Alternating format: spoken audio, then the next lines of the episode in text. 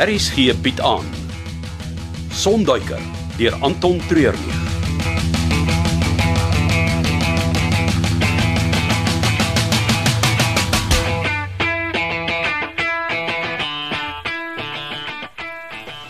Wat dink jy van die bus? Wel. Ja, dit sal maar moet doen. Verskoon my. Ons het omtrent die hele dag geskrob om die ding skoon genoeg te kry. Ag, ek speel net met jou. Dis perfek. Jy moet onthou ek het vir die afgelope paar maande in 'n tent gebly. Hierdie is vir my soos 'n 5-ster hotel. Dis wat jy nou sê. Tot die eerste groot reëns, die bus is soos 'n sif. Die water gaan oral inkom. Wil jy hê ek moet in die bus bly of nie? Wat bedoel jy? Klink of jy my uit die ding uit probeer praat. Nee nee nee. Ek wil maar net hê jy ehm um, jy moet verstaan waarvoor jy jouself inlaat. Ek gaan fyn wees. Hou op worry oor my. Dis nie dat ek oor jou uh jy weet kom ons los dit daar. Hier sien, bus se sleutel. Die plek is joune tot jy anders besluit het. Ek gaan nou huis toe en dan sien ek jou môre vroeg. Hoe vroeg? Voor sonop? Ek wil in die lug wees met die helikopter soos die son opkom. Icarus het 'n kontrak gekry om die elektriese netwerk van hier tot by die Botswana grens te inspekteer. Dit sal 'n hele oggend vat. Dit gee ons oor genoeg tyd om te praat. Uh, te praat? Uh, waaroor? Tot môre. En uh as jy snaakse geluide in die aand hoor, is maar net die bus wat steun en kreun van ouderdom.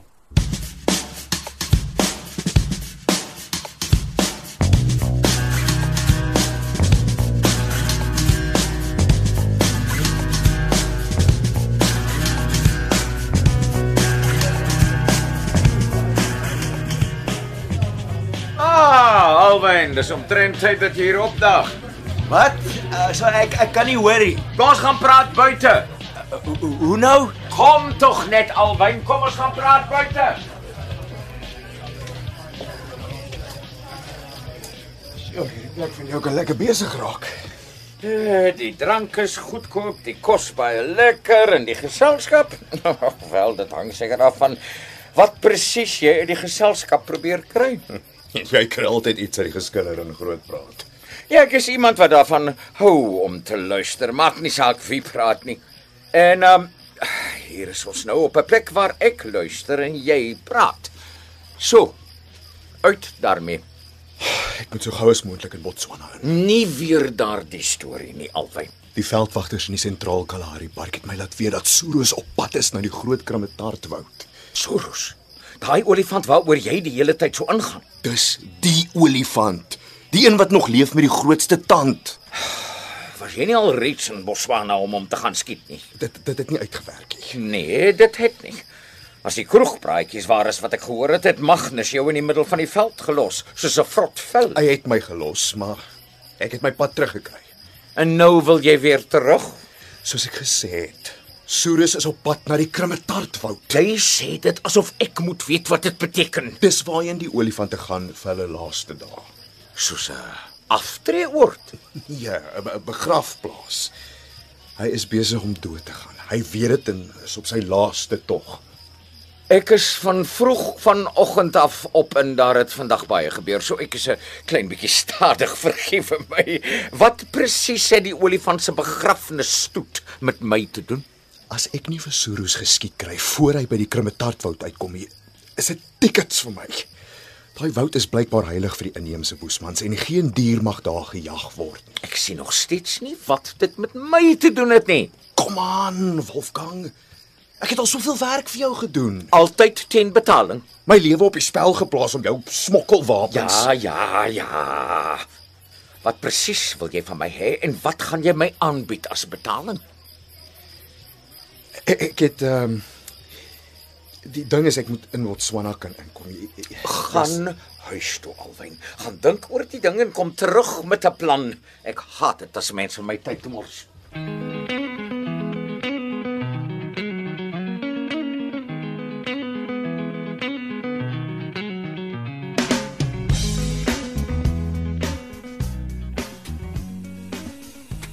Wag daar.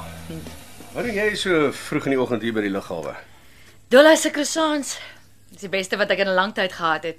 Ek bederf myself so twee keer 'n week. Ja, ek self stap maar wye draaie om haar gebak. Anders sal ek die hele dag hier uithang. Ek moet bieg, ek het gehoop ek sal in jou vasloop. Ek moet met jou praat oor 'n trip. Kan ons dit dalk vanmiddag doen? Ek moet binne die volgende halfuur in die lug wees met die helikopter. Sekerlik. Hoe laat? En laat weet net vir Dottie wanneer jy beskikbaar is vanmiddag. Mm, Dit sal na kantoor hier moet wees. Ek is besig vir die res van die dag. OK. Jy kan my laatmiddag by die loods kom sien. Ek het gedink jy kan aandete by my kom eet.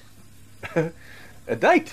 Moet nou nie 'n ding ongemaklik maak nie. Die kos en drank is verniet. Wat het jy meer nodig? Hierdie begin nou skielik baie ernstig klink. Is dit iets waar ek bekommerd moet wees? Natuurlik nie. Nou goed, dan uh, sien ek jou later. Dis die eerste keer dat jy vir my gaan kook. Ek sien baie uit daarna.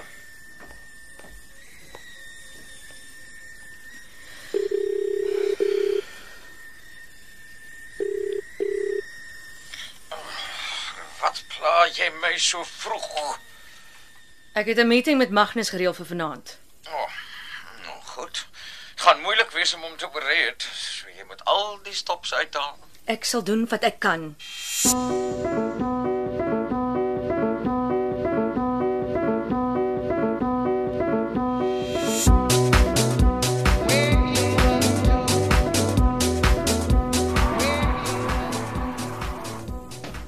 om te sien jy is al aan die gang. Ag, jy's die een wat gesê die helikopter moet in die lug wees as die son opkom.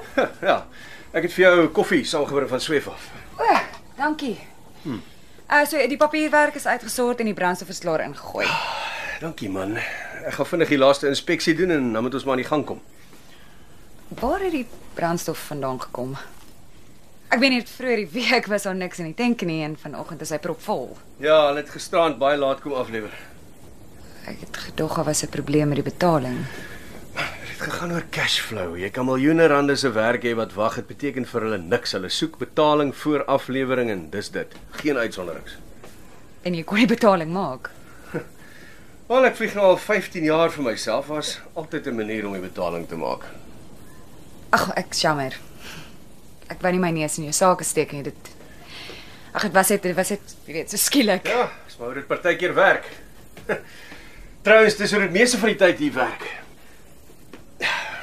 Jy kan so lank inklim en vir my die kommunikasieapparaat nagaan terwyl ek die checks doen.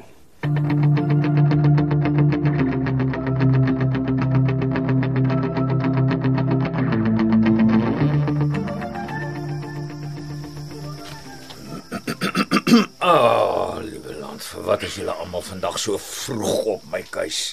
Jy het gesê ek moet huis toe gaan en gaan dink aan 'n plan. Ja, maar ek het nie gesê jy moet my voor sonop daarmee kom plan nie. Nou goed, sorry. Ek kan seker later terugkom. Nee, jy moet nou nie simpel wees nie. Kom, jy kan seker stap en verduidelik. Ja, sure. Waarheen gaan ons? Ek het iets om jou te wys. Dit klink interessant. Oh, interessanter as wat jy ooit sou kon dink. Nou uh, toe. Wat is jou plan? Ek moet in Botswana kom sonder dat hulle weet ek is daar. En dan in die sentraal Kalahari wildpark in sonder dat iemand my opmerk. Laastens moet ek olifantande terug kan smokkel. Dis nou Suru se tande. Korrek. Ons praat van 90 kg vir sy linkereen en oor 100 kg vir sy regter. Ag, snert man. Jy het dan heeltyd gepraat van tand. Selfs gisterand nog. Nou is dit tande. Sy linkertand het gebreek toe hy jonger was. Die tand is nog steeds daar, net korter en ligter as die ander een. Dis hoekom die ouens sê hy het net een tand. Hy gebruik ook die linker een baie minder. Ja ja, ouens maak altyd die pap dik aan as dit kom by die grootte van olifanttande. 'n Volwasse mannetjie se tande kan enigiets tussen 40 en 70 kg weeg. 70 max. Suru se regtertand is so groot dat hy gereeld die tand as steunpilaar gebruik. Mense, mense het hom al in die slaap gesien waar hy heeltemal teen die tand steun. Om die waarheid te sê, as hy sy kop regs draai, dan skuur die tand teen die grond so groot is dit. Ag, stories, stories. Alles leuns om die toeriste te lok. Maar hier, Ja. ek dra die foto die hele tyd by my as uh, as aansporing. Hierdie is 'n geleentheid wat ek nie kan mis nie. My naam sal vir ewig voortleef as die jagter wat Surus kon skiet. Hierdie foto is nie gedokter nie. Nee, dis so erg soos ek wat nou hier voor jou staan. Ja? En wat maak ek uit die deal? Die ligtertand. Ek weet nie. Het nou self gesê die tand is gebreek. 1500 dollar per kilogram. Meeste wat jy sal kry is 1000. Miskien nog minder as daar krake in is. Nou goed. Dis 90000 dollar teen 12 rand per dollar. O, uh, ons praat van oor 'n miljoen rand. Ja. En hoeveel gaan jy vir jou swaarder tand kry? Ek gaan hom nie verkoop nie. Dit sal my waardevolste besitting wees. Ek sal kyk wat ek kan reël. Maar as ek hierdie vir jou doen, skuld jy my 'n groot gans.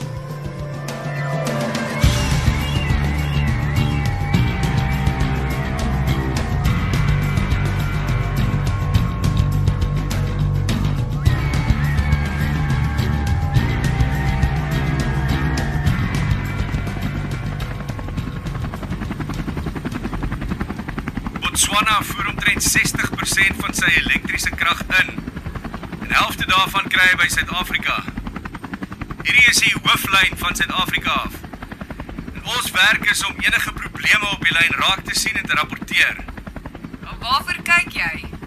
Los drade, pale wat skeef staan, basies enigiets wat uit plek lyk. Ah. En wat gebeur as jy 'n fout optel? Ek laat die ouens weet en 'n spesialis kom dan saam met my uit. Van daar word besluit of 'n span op die grond die probleem kan oplos. As dit nie kan gebeur nie, kom een van die linemen saam met my uit en hy werk aan die lyn vanaf die helikopter. Jy sê ernstig nie. Daar's net twee ouens in die land wat die werk so kan doen. As die wind waai, beweeg die kabels. Die helikopter uiteraard ook. En dan vloei 354 000 volts deur daai kabels. Een fout en ons almal is daarmee in. Doen jy dit? Aan die begin was dit die geld. Dit was die enigste manier hoe ek die helikopter kon koop. Maar nou in daai oomblik wanneer jou lewe aan 'n draadjie hang, wanneer jy al jou sintuie, ondervinding en vernuf nodig het om te oorleef. Dis wanneer 'n mens vaarlik leef.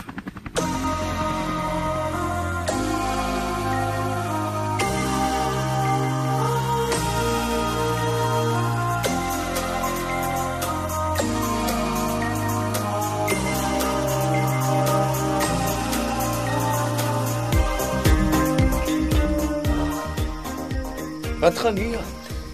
Wil jy vir my sê jy het nog nie al die vraghouers gesien nie? Wel, ja, van die lughawe af, maar ek het nie besef daar's so baie nie. Ek gaan jou help met die olifant in sy tande en jy gaan my help om 'n eiland oor te neem. Wat? Ja, moenie so geskok lyk nie. Dis nie 'n baie groot eiland nie, maar ryk, skatryk. En dit wat aan die vraghouers is, gaan ons in staat stel om dit te doen.